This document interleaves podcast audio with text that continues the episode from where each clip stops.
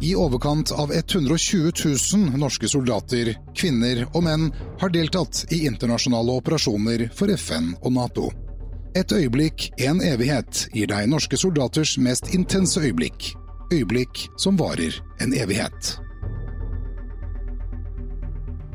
Ja, velkommen til Et øyeblikk en evighet, og en episode hvor vi, eh, vi er på krigsskolen. Og eh, i dag skal vi snakke med sjefen på krigsskolen, Sigrid Engebretsen Skare. Velkommen til deg. Takk skal du ha. Du er vel den andre kvinnelige sjefen på krigsskolen. Det stemmer. Og eh, vi kommer vel helt sikkert tilbake til det, men eh, du, du har også hatt en ganske lang og jeg må jo si fargerik militær karriere før du nå sitter som oberst og sjef eh, krigsskolen. Når visste du at du ville, ville bli yrkesoffiser, eller i hvert fall begynne å jobbe i Forsvaret? Ja, det, er, eh, det var tidlig. Det jeg eh, proklamerte ved frokostbordet en søndag da jeg var åtte år, at jeg skulle bli som pappa da jeg ble stor. Pappa var i Forsvaret, og det her, vi bodde da på GP, eller garnisonen i Porsanger. Hva sa far da? Det var greit, bare jeg ikke ble artillerist, som han var. Enten fordi han ville ikke konkurreres ut, eller han ville, hadde bekymring for hørselen din, kanskje. Ja, kanskje det. Men uh, da du ble litt eldre, så, så, var det Forsvaret hele tiden? Ja, det var Forsvaret med en gang jeg var ferdig på videregående.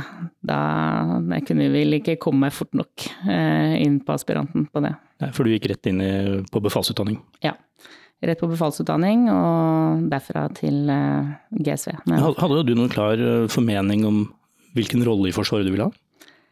Nei, jeg, jeg, det her var jo i 92, og jeg hadde jo liksom lyst til å prøve noe som var veldig nytt. Forsvaret var kanskje det var det jeg visste. Og så var det ikke nødvendigvis at jeg visste hvilken uh, gren Altså gren var hæren, den var tydelig, men det var våpen og troppart da, som var kanskje litt mer blurry. Ja, For du hadde jo en litt sånn uh, hopp og sprett vei inn her, det, det, er lov å si? Ja. Det ble jo sånn. Det er vanskelig å liksom si at eh, man skal gjøre det ene og følge det sporet rett fram. Min, min vei og min vei i yrket har jo vært ja, ikke rett fram, men det er mange veier til Rom, som det heter. Ja, ikke sant. Vi kommer til og med tilbake til Rom, eh, Roma etter hvert. Men uh, har du begynt på grensa? Ja, jeg dro fra, fra befalsutdanning på Jørstadmoen til GSV som lagfører. Lagfører der i Sambandet. Så det var fantastisk tid. Og så fant du, deg, fant du også veien til Telemark bataljon? Ja, det ble litt etterpå. Så ble det Telemark bataljon etter flommen på Østlandet i 95. Ja, Så de som husker den, den var ganske dramatisk. Ja. Og så forsvant du fra Forsvaret? Ja, det er jo sånn at uh, man kan jo ikke gå som den gang engasjert uh, lenge, og så må man jo bli noe ordentlig når man blir stor. Så hadde jeg veldig lyst til å gå på krigsskolen, men akkurat da så hadde jeg en kjæreste som kom inn på krigsskolen og syntes det var mye bedre om jeg gikk på Politihøgskolen. Så da ble det Politihøgskolen fra 97 til 2000. Så da var du blitt politi? Ja, jeg er i hvert fall politiutdanna. Og så siste året på Politihøgskolen så ble jeg jo kontakta av Forsvaret igjen og spurte om jeg kunne komme tilbake igjen til Forsvaret mot at de da betalte studielånet mitt, og det var jo forlokkende. Det er vel en sånn tilbud du ikke sier nei til, kanskje? Nei, jeg tror det er bare jeg som har fått akkurat det tilbudet. Og da begynte, jo, begynte vi å snakke om utenlandstjeneste for ditt vedkommende. Ja, det kom tidlig på agendaen. Eh, da var jo Kosovo allerede Altså Balkan hadde man jo vært på lenge, og Kosovo kom jo da i 99. Og så kom jo den forespørselen veldig tidlig om å, om å kunne dra til Kosovo. Så da dro jeg dit i 2002. Og gjorde hva? Der var jeg etterforsker i en multinasjonal etterforskningsenhet i, det multinasjonale MP-kompaniet som var der nede. Og der fikk man jo virkelig bryne seg, både på syv nasjoners eh, rettspraksiser. Eh, her skulle man jo ivareta alt i forhold til det som også skulle sendes hjem av saker som skulle da innenfor sivil domstol i det enkelte hjemlandet eksempelvis. Eh, og i tillegg understøtte da selv om han hadde da Unmik Police på plass, så var det en veldig sentral del for oss å understøtte de i, i mange av operasjonene våre. Var det en, et skifte for deg å, å, få lov å operere ute sammen med en, med en lang rekke andre nasjoner?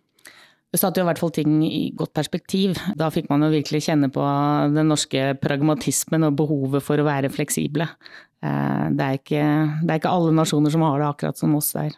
Var det mange andre damer der? Hvordan, hvordan fungerte det aspektet i, i, den tjenesten? Nei, første halvåret så var vi to da, norske damer der. Og etter det så var det bare meg. Men det, det fungerte greit. Jeg hadde en veldig godt team rundt meg, og vi var veldig godt samkjørt. Vil du si at tiden din i, i den operasjonen i, i, Kosovo var forventet? Altså Var det noe du fikk en positiv opplevelse ut av? Ja, absolutt. Det var en positiv opplevelse. Og så er det jo sånn at når man kommer i et sånn type operasjonsområde, så, så er det jo ikke det du har med deg fra Norge, og i hvert fall fra militærpolitiet, så, så, er det ikke døde mennesker det du har mest befatning med. Heldigvis. Men her nede så ble det jo det, eh, en del av det. Ja, for det, det var jo en del sånn etterforskning på rett og slett drap? Ja, det var det. Var det. En ting var å gå opp sporene for hva som hadde skjedd og mulige krigsforbrytelser eh, eller forbrytelser mellom serberne og kosovo-albanerne. I tillegg så var det også styrkene som var i området. Og eh, og hva som skjedde med enkelte der. Og vi hadde jo dessverre også folk som, som omkom i de norske styrkene, eksempelvis når vi var der nede. Og da må jo dere inn og kartlegge og finne ut hva som forårsaker sånt? Ja, og, og, på den nasjonale biten så da jo, jobber vi jo for Romerike politidistrikt. Da. Så, det, så da er det jo god til, dialog tilbake til Norge, og så er det jo egentlig vi som gjør all jobben for sivilt politi nasjonalt. Etter hvert så endret jo tjenesten seg ganske kraftig for deg også. Du flyttet jo videre, eh, og blei kanskje, skal vi kalle det, mer, mer, operativ? Ja, planen var jo det at når jeg var ferdig i Kosovo, så skulle jeg hjem til Norge. Og hvis jeg ikke hadde kommet inn på krigsskole 2, så hadde jeg blitt sivil politi eh, på Elverum. Men eh, så kom jeg inn på krigsskole 2, og, og det behovet for å gå på krigsskolen, det, det var ikke borte. Eh, og da, da, ble det det i to år, da, fram til 2005. Og da, da, bytta du avdeling? Ja, da ble det et stort skifte. Og da, da kom jeg ut eh, Forsvarets spesialkommando på Rena. Ja, så du var jo eh, etter hvert eh, S2 ja. I, i FSK. Det var en periode hvor den avdelingen var deployert eh, ganske kraftig eller tungt i Afghanistan mens du kanskje opererte mer her hjemme? Ja, jeg var jo altså Jeg jo til Jeg skulle jo inn som ACS2, men ville jo fungere som S2 med en gang jeg kom dit, fordi at de andre på seksjonen var jo i Afghanistan. Og da, da ble det jo en bratt læringskurve. Eh, å komme egentlig inn i et miljø hvor de ikke var så vant til kvinnelige offiserer, og, og det at jeg da ja, satt i, i ledergruppa, da, kommandogruppa til eh, sjef FSK akkurat uh, i den perioden. Så, så, så, var jo det en spenstig periode. Kjente du litt på det? Her, eh, her, her, går, du, her går, det litt fort i svingene? Ja, da, da, følte jeg meg lita en periode. Det, både jeg skulle lære meg hva stillingen innebar, og, og få grep om avdelingen. Eh, og samtidig fremstå med troverdighet og, og integritet i, i, det man gjorde. Så, så, så, ble det sene kvelder og, og, mye tanker rundt akkurat den biten der. Det er jo mange ting eh, når det kommer til FSK og de operasjonene som vi ikke kan snakke om. Men eh, det er jo én incident som du fortalte meg nå tidligere, at den kan vi trekke fram. For den er både ganske intens pluss ikke så veldig kjent. Ja, det er jo sånn at eh, FSK har jo også et nasjonalt kontraterroroppdrag. Og eh, i oktober i 2005 så husker kanskje i hvert fall de som er litt eh, i den eldre delen av publikum, Elektron-saken. Og så er det kanskje ikke så mange som kjenner til hva som skjedde uka etterpå. Elektron var jo en russisk tråler som ble mistenkt for å drive ulovlig fiske. Hvor kapteinen om bord i en, et anfall av hva skal jeg si, eh, Han burde visst bedre, men han stakk i hvert fall av med kontrollørene. Han kidnappet de, rett og slett. Og det blei jo en, en, eh, en, politisk og internasjonal incident ut av det. Ja, det ble det. Og, det er klart at der prøvde jo Kystvakten å stanse dette skipet hele veien inn i russisk eh, territorialfarvann, hvor man først stoppa da. Og da ja, det var vel ikke akkurat det måten Kystvakta heller ønska å fremstå som, at det var mulig å stikke av fra Kystvakta når man var under kontroll. Men det skjedde noe etterpå som du var eh, dypere involvert i? Ja, eh, som sagt så uka etterpå så, så, var det en ny oppringning av to skip eh, rett utenfor Bjørneveia. Og i den forbindelse så gikk man jo litt sterkere til verks fra Kystvakta sin side for å unngå det samme skulle skje igjen, for det var man jo selvfølgelig veldig redd for. Og russerne mente jo sterkt at de hadde sitt på det tørre. Og der Der kommer man jo inn i det her når man, det blir politikk ut av når man gjør oppdragene. Og man bestemte seg jo tidlig på, fra DKN, som det var på Reitan den gangen, at man skulle deployere FSK til nordover, og da ut for å understøtte Kystvakta. En operasjon som eh, absolutt ikke måtte komme ut i media. Det ble jo deployert 70 spesialsoldater, og med da understøttelse fra meg og selvfølgelig hele staben i FSK. Hvor vi da i, i lys av nattens mulm og mørke havna på Banak, og, og, lå der i skjul til vi ble satt ut og på et kystvaktskip ut fra havet i Sund, og da med full fart mot Bjørnøya. Og da, da var det svette tilstander for å finne ut hva det er, hva er det vi egentlig nå går om på. Jeg tror for, for spesialjegerne så var jo dette et hvilket som helst oppdrag, men for meg som var veldig førstereis, så var det et veldig, veldig spennende oppdrag når man rett før man drar fra arena får, får 50 skarpe 9 mm-skudd i hånda og beskjed om at det kan hende du får bruk for det. Det høres ut som opptakten til den, den lille operasjonen var, var spennende nok. Det gikk jo bra? Det gikk veldig bra. Eh, og så kan man jo si at heldigvis så slapp man å sette inn spesialstyrkene. Eh, heldigvis var det noen som tok til vettet. Men samtidig også så avdekket det en del eh, politiske forhold, og eh, selvfølgelig det her med profesjonskampen mellom Justis- og Forsvarsdepartementet kom jo kanskje spesielt til syne i denne her saken. Så det var egentlig en nyttig internlæringsoperasjon også? Ja, der kom jo også det her med bistandsinstruksen opp eh, for første gang, kanskje. Og så kom den jo dessverre veldig aktualisert igjen etter 2011. Eh, Men eh, her var jo første gang hvor man virkelig måtte se på hvordan er det vi skal jobbe sammen, og ikke mot hverandre i sånne typer situasjoner. Når du står midt oppi det, du sier selv at du var jo veldig grønn, så du må jo ha fått ganske massive inntrykk av, hva som skjedde, og særlig i, i tiden før oppkjøringsfasen. Og jeg vet jo at du har brukt denne incidenten senere i, i bl.a. Undervisningsøyemed og når du skriver hovedoppgaver. Er, er denne operasjonen noe som sitter i deg, som du, du, har tatt med deg? Ja, absolutt. Det er noe jeg aldri kommer til å glemme, og noe jeg aldri kommer til å oppleve igjen. Så, så selvfølgelig det. Det å, det å bli heist opp i, i lynsjen uh, fra, fra kystvaktskipet på den ene sida av Bjørnøya og henge og dingle over Bjørnøya, og så komme ned på andre siden på et nytt kystvaktskip, eh, og så rett ut med å kle seg opp i en kystvaktdress og, og, helt tett inn på disse fartøyene for å sende bilder og film over til eh, kollegaene på motsatt side, så var jo det veldig, veldig spesielt. Før vi gikk på, på sending her, sånn, så, så, snakket vi litt om disse forskjellige misjonene du har vært på, og, og det var denne du ville trekke fram, eh, selv om du har vært i vel så dramatiske situasjoner i Afghanistan og, og andre ting. Tror du, hvis du ser i lys av hva som skjer i Europa i dag Når vi spiller denne sånn, så har vel krigen i Ukraina vart i to måneders tid. Vi har, vi har en helt annen sikkerhetssituasjon i, i verden.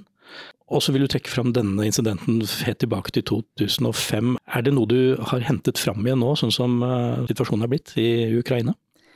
Ja, det er ikke til å komme unna det at det gir jo et bilde på Russland og, og hvor de står, og hva, og hva de vil sette bak. Altså, hvis man ser tilbake igjen til Elektron, så var det jo det at der kom jo eh, en destroyer ut og møtte, og det var jo det som også ble presentert for oss som en mulighet, at det var russiske destroyere på vei mot Bjørnøya eh, den gangen, uten at det ble verifisert i, større grad. Og når man ser i dag på Ukraina, og hva er det vi egentlig står overfor? Hvor, hvor, hvor langt er Russland villig til å gå? I 2005 så var jo styresettet der kanskje ikke så stabilt eller så konsolidert hos Putin som det er i, er i dag. Eh, og da tror jeg vi liksom har, kan se en oppbygning da, fram mot kanskje der. Hadde den situasjonen den gang skjedd nå, så vet vi ikke. Nei, fordi det er jo en eskalering her uh, som går år tilbake. Det vet vi jo. Ja. Men uh, du dro til Afghanistan? Ja da, jeg uh, fikk dra til Afghanistan både i 2006 og 2007. Fortsatt med den avdelingen? Fortsatt med FSK, og fortsatt som ACS2 og S2. Var det radikalt annerledes enn de operasjonene du, og det, det du hadde trent for i Norge? Ja, altså å trene for å dra til Afghanistan eh, da, altså I 2006 så hadde i hvert fall FSK vært der en periode allerede. Eh, men det er klart at å komme ned der og være førstereist Og første turen min ned var jo ned i, i en spesialstyrke, stab, en multinasjonal stab, det også, å være med på å bygge opp den. Hvor man også kommer ut for ting som man ikke trodde man skulle få møte opp og være med på, gitt, gitt situasjonene. Det å være på rett tid til rett, rett, sted til rett tid, eller feil sted til rett tid, det, det kan man jo vurdere sjøl, men, men, det er klart at det, du, får, du, du klarer aldri å forberede deg totalt på hva som er. Det, du kan høre erfaringsbrifer og, og, prøve å danne deg et mentalt bilde, men du vet aldri hva som skjer før du står midt i det. Når du var ferdig med de operative turene dine, eh, så gikk jo din karriere mer over Altså du har alltid vært stabsinnretta, og du har vært gjennom eh, Forsvarsdepartementet, du har vært eh, rundt omkring, før du nå nærmer deg si, den, den, øvre sjiktet. Det, det er jo ikke så mange kvinnelige offiserer på ditt nivå si, som følger etter disse mer kjente som har gått foran. Hva tenker du om det at eh, det er veldig få av dere jenter som har kommet dit du er nå? Jeg tror at det at vi er få er vel kanskje et resultat av et par ting. En, eh, vi var ikke så mange i utgangspunktet, eh, sånn som det er nå. Altså I dag så har jeg jo krigsskolekull hvor det er liksom 25 jenter i, i hvert av kullene. Det var jo helt utenkelig for 20 år siden. Men jeg tror at det, er det å velge den å stå i karrieren. Eh, mange kvinnelige offiserer de slutter eller de går over i et P-spor av ulike grunner. Eh, eller, så, eller, så, passer ikke familielivet lenger med en tokarrierefamilie. Der har jeg og mannen min funnet, funnet en balanse, men det, det, er jo ikke alle forunt å, å, å, få til det. Nei, Du er jo gift med en yrkesoffiser du også, som, så dere blir jo slags sånn command team hjemme, dere. Ja, det er bare én sjef, og det er meg. Ja, det, du er jo krigsskolesjef også, men uh, litt sånn alvor i det sjefsnivået, og kvinner. I Norge i 2022 så har vi jo et inntrykk at vi er veldig likestilt. Og så ser vi en sånn voldsom forskjell på, på kjønnene. Er, er det noe du merker hele tiden? Nei, jeg merker egentlig ikke det. Jeg, jeg, tror at de få som har gått foran, de har tatt unna mye av den biten der. Men det er klart at eh, da jeg fikk stilling som krigsskolesjef, så var jeg kanskje for mange ukjent. Eh, rett og slett fordi at jeg ikke er fra manøvervåpenet, da. Kommer fra lille militærpolitiet. Det var liksom Da er man ikke så, så synlig og, og, så kjent eh, et, for et større skal kalle det større publikum, da. Ingrid, som har vært sjef her før meg, hun, hun var jo første guidesjefen og første, første troppssjefen i Libanon og første kompanisjefen i TMB-en. Altså, jeg slapp den biten der, og det er jeg glad for også. Og så får Ingrid egentlig si hvordan hun oppfattet det. Ja, Ingrid Gjerde som da er um, styrkesjef på Kypros, faktisk. Ja. Når vi snakker sammen. Vi slipper jo ikke unna krigen i Ukraina, fordi altså, i den profesjonen som du er, så er jo det det, er jo det, det handler om. Uh, dette med krig og uroligheter er jo, det er jo fag, fagfeltet. Hvordan opplevde du oppkjøringen til det russiske angrepet på Ukraina? Jeg vet at du var, var i Roma eh, med en rekke andre offiserer fra, fra, en mengde land. Ble det diskutert der, dette, dette som nå har skjedd, men som ikke hadde skjedd ennå? Ja, eh, det ble jo veldig tydelig for oss tidlig på høsten 21 eh, at her var det en styrkeoppbygging på gang som som kunne føre til noe, uten at vi da, visste det hva. Eh, men det ble hyppig diskutert. Vi var jo tross alt 83 eh, elever fra 32 nasjoner, herunder også elever fra Ukraina og Moldova, som kanskje de nærmeste eh, som føler seg, i hvert fall som vi ser i mediebildet i dag. Da. Så, så, så det ble hyppig diskutert. Og, og klart at jo, når jeg var ferdig i februar, helt i begynnelsen på februar i Roma, og så gikk det tre uker, og så sto man Så det var jo selvfølgelig et av de hovedtemaene på avslutningstalen. Det var jo hvordan ser verden ut om kun kort tid. Hvordan var følelsene for dette her? Var det en, var det en spenning? Var det en, en, eh, akademisk tilnærming til det? det? Hvordan reagerte de, eh, altså, de fra de andre nasjonene? Nei, det, det, var ingen akademisk tilnærming, men vi var delt inn i grupper hvor det var ingen fra samme nasjon. Så det ble mye diskutert da, i gruppene. Og du, du, får jo fram veldig forskjellig hvordan de ulike nasjonene ser på trusselbildet. Vi her i Norge er jo veldig opptatt av Russland og nordområdene og sånn, men snakker du med den fra Spania, så er jo de mer opptatt av uh, hva som kommer fra Nord-Afrika og Sahel-regionen uh, mer spesifikt. Og så var vi jo på studietur i Polen, og der var det klare ord for eh, penga fra, fra stabssjefen i, i, Forsvaret der med den russiske trusselen og hvordan de så, de så kun én vei, og det var østover, som han sa. Og de fikk jo rett, altså det har jo skjedd her. Eh, vi må ikke glemme at vi sitter på krigsskolen hvor vi skal utdanne eh, de kommende offiserene. Har dere endra noe på hverdagen deres etter angrepet?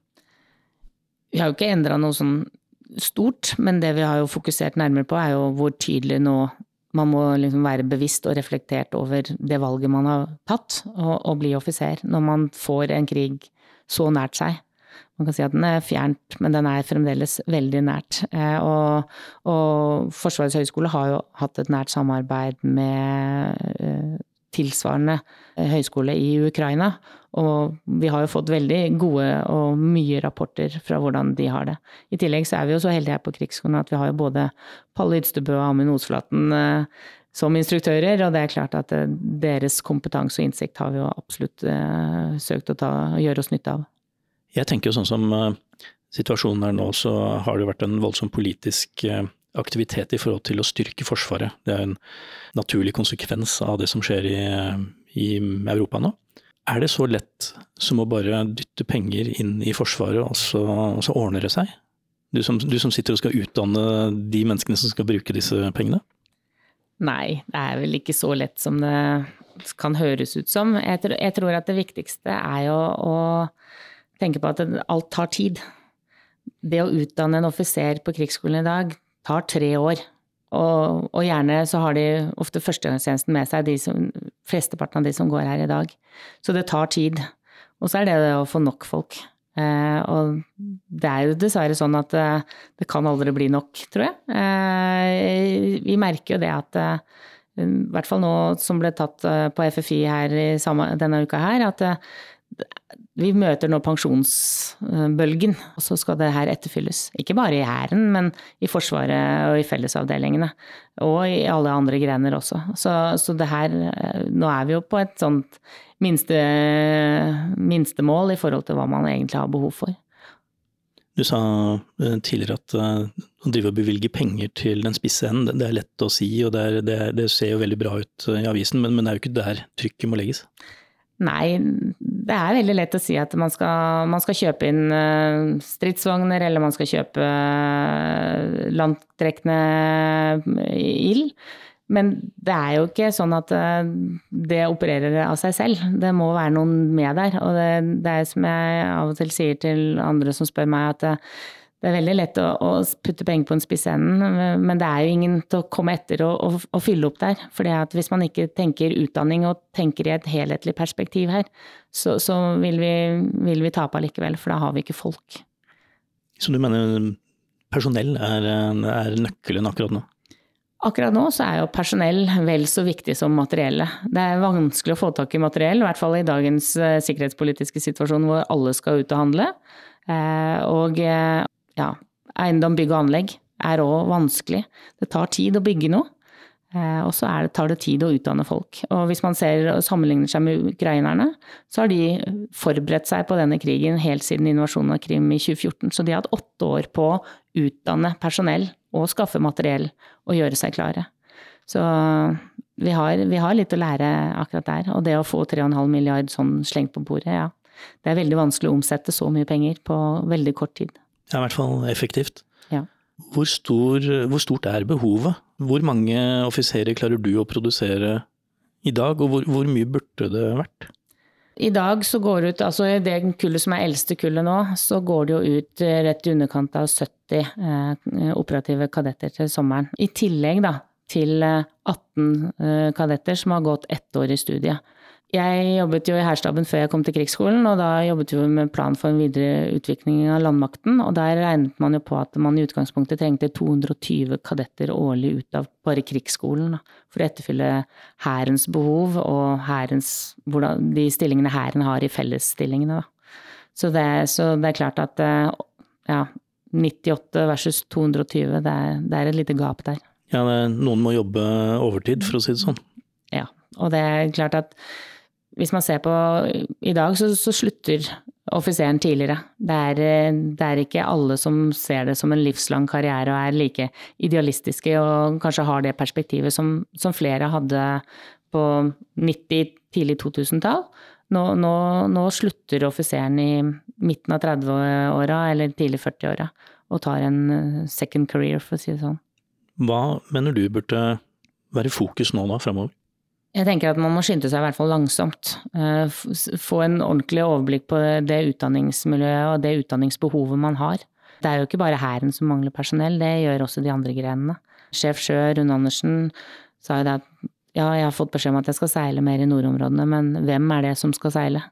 Fordi at man har jo det personellet man har, og de har også Vi kan jo ikke drive rovdrift på personell, og det, det gjør vi vel kanskje allerede, men det, det blir jo ikke noe lettere. Hva tenker du om type verneplikt? Ja, hvis man ser i dag, så er det vel eh, av et ungdomskull på 60 000, så er det kanskje mellom 6000 til 8000 av de som avtjener verneplikten. Det er jo en uutnytta ressurs, eh, i mine øyne. Eh, det å, å, ta inn, øke antallet som er inne til verneplikten, kan jo tjene Forsvaret, og totalforsvaret, på sikt. Så, så, så ingen har vondt av det året, eh, og, hvilke, og forstå kanskje større den helheten man er en del av. For nå trakk du inn et uh, veldig viktig moment her, nemlig totalforsvaret. Fordi vi er jo ikke mange i Norge. Vi er jo et, uh, et land med sparsomt uh, antall innbyggere, egentlig. Og alle må jo være med å dra hvis, hvis noe skjer. Er vi forberedt på det, syns du det? Nei, vi, er, vi, kan vel si at vi er delvis forberedt, men vi er jo ikke fullt forberedt. I hvert fall ikke som nasjon, og i hvert fall ikke hvis man ser på eh, hva som må gjøres hvis man skulle komme så langt at eh, man må At, en, at bjella ringer, da. Eh, så, så, der tror jeg det er viktig at eh, man, man, har flere som får muligheten til å avtjene verneplikten. Og det er jo flere som ønsker det også så er det jo egentlig behovet vårt som per i dag er sagt at det ikke er større. Men så ser man jo at man skal jo øke. Eh, og jeg tror de fleste avdelinger kunne Hadde man hatt ressursene og personellet til stede, så kunne man jo også hatt, hatt flere vernepliktige inne. Det er jo som vi snakket om tidligere, altså at Finland på kort tid kan ha 900 000 mann under eh, våpen. Det, det er lenge siden, eller om Norge noen gang har vært der, selv ikke under den kalde krigen. Men da, da hadde man jo i hvert fall en plan på det. Eh, der er vi jo ikke nå. Jeg tenker nå at du har, som vi var inne på helt i starten, en, en, en lang karriere i Forsvaret. Du har, eh, du har kommet til, eh, til, en sjefsstilling på krigsskolen, du er oberst. Men du er også veteran. Altså inntoppsveteran. Tenker du på det, er, er det noe som er med deg i en eller annen bevissthet et sted? Ja, det, det, ligger nok der hele tiden. Eh, jeg tenker at det å få tjenestegjort ute, så skjønner du i hvert fall hvor godt du har det hjemme. Og det å ikke ta noe for gitt. Og særlig kanskje nå hvis man ser på Ukraina-krigen, at eh, vi skal ikke ta noe for gitt. Enda, at den kommer enda sterkere fram nå. Én ting er å reise til Afghanistan og, og se hvor forferdelige forhold folk lever under, men det er så fjernt fra hjemme. Eh, mens noe som skjer nært deg, da, da får du det så veldig mye nærmere, og da, da, blir den der å ikke ta det for gitt. Litt som man kan relatere bak til 9. april 1940 Ikke ta, det, ikke ta den friheten for gitt. Burde vi være flinkere til å bygge forsvarsviljen uh, ute i befolkningen? Har vi sovna litt? Ja, det vil jeg påstå. Altså, jeg var eh, for noen uker tilbake igjen i USA på tjenestereise eh, og besøkte West Point, altså den amerikanske krigsskolen. Og eh, var ute bare og handlet i en butikk og får alltid den 'thank you for serving'. Det vil jo aldri ha skjedd i Norge. Det, det har ikke skjedd før, og det kommer ikke til å skje. Fordi at Forsvaret i Norge er ikke har ikke den standingen da, som man eksempelvis ser på i USA. I gamle dager, da jeg var liten, si, vi var små, så var det jo uh, mange flere som hadde avtjent verneplikt. Og man hadde Forsvaret mye tettere inn på familiene. Og vi var inne på dette her med totalforsvar og, og økning av, av Forsvaret og sånn. Burde vi komme tilbake dit hvor folk flest uh, får et mer realistisk syn på hva Forsvaret er? Ja, det, det er i hvert fall viktig å normalisere Forsvaret. At det er, noe, det er ikke noe farlig. For noen år tilbake så var det jo en vinterøvelse som gikk i Trøndelag. Og Ross som da tjenestegjorde i brigaden på, i Indre Troms. Og det å bevege seg rundt med våpen er helt naturlig. Og så kommer man inn på en butikk et sted i, i Trøndelag, og så blir man approacha av butikksjefen og spurt om man kan gå ut, for det er litt ubehagelig når vi kommer der i uniform og våpen. Eh, for oss var det sånn Hva, hva er problemet? Eh, det her er helt vanlig. Eh, men det er liksom at du skaper den fryktbiten. Ser her også på krigsskolen at når vi har tremila eller stridskurs og kadettene går ute med, med våpen og grunnutrustning, så, så, er det jo viktig for oss at vi har varslet politiet selvfølgelig i forkant. Men, det, men altså at folk reagerer. Og det, det, gjør meg jo litt trist. At det, det å ikke forstå at det er en man bor jo, er jo i Groruddalen, det er en stor militærleir. Det bør være relativt kjent at vi er der vi er. Men det, men det, det gis, gir oppmerksomhet, og folk reagerer på det. Og det er jo litt synd at man reagerer negativt. Man bør være glad at man har, har en sånn ressurs rett i nærheten. Vi, vi er jo tross alt de snille i, i, forhold til å forsvare Norge. Ja, det, men det handler om da det er færre og færre som avtjener verneplikten. Nå er det liksom en, en voksen generasjon også, hvor ikke alle Eh, menn i hvert fall, har avtjent verneplikten. Så, så, sånn sett så, så, fjerner man seg jo litt også. Eh, så det å ufarliggjøre og synliggjøre Forsvaret, det, det er viktig. Eh, fordi at vi har et veldig viktig samfunnsoppdrag, og er jo en del av totalforsvaret. Dette er en av mange unike historier om selvoppofrelse og mot fra våre soldater. Her lar vi soldatene selv fortelle om de intense øyeblikkene, akkurat slik de opplevde det. Historier som rett og slett er blitt et øyeblikk, en evighet.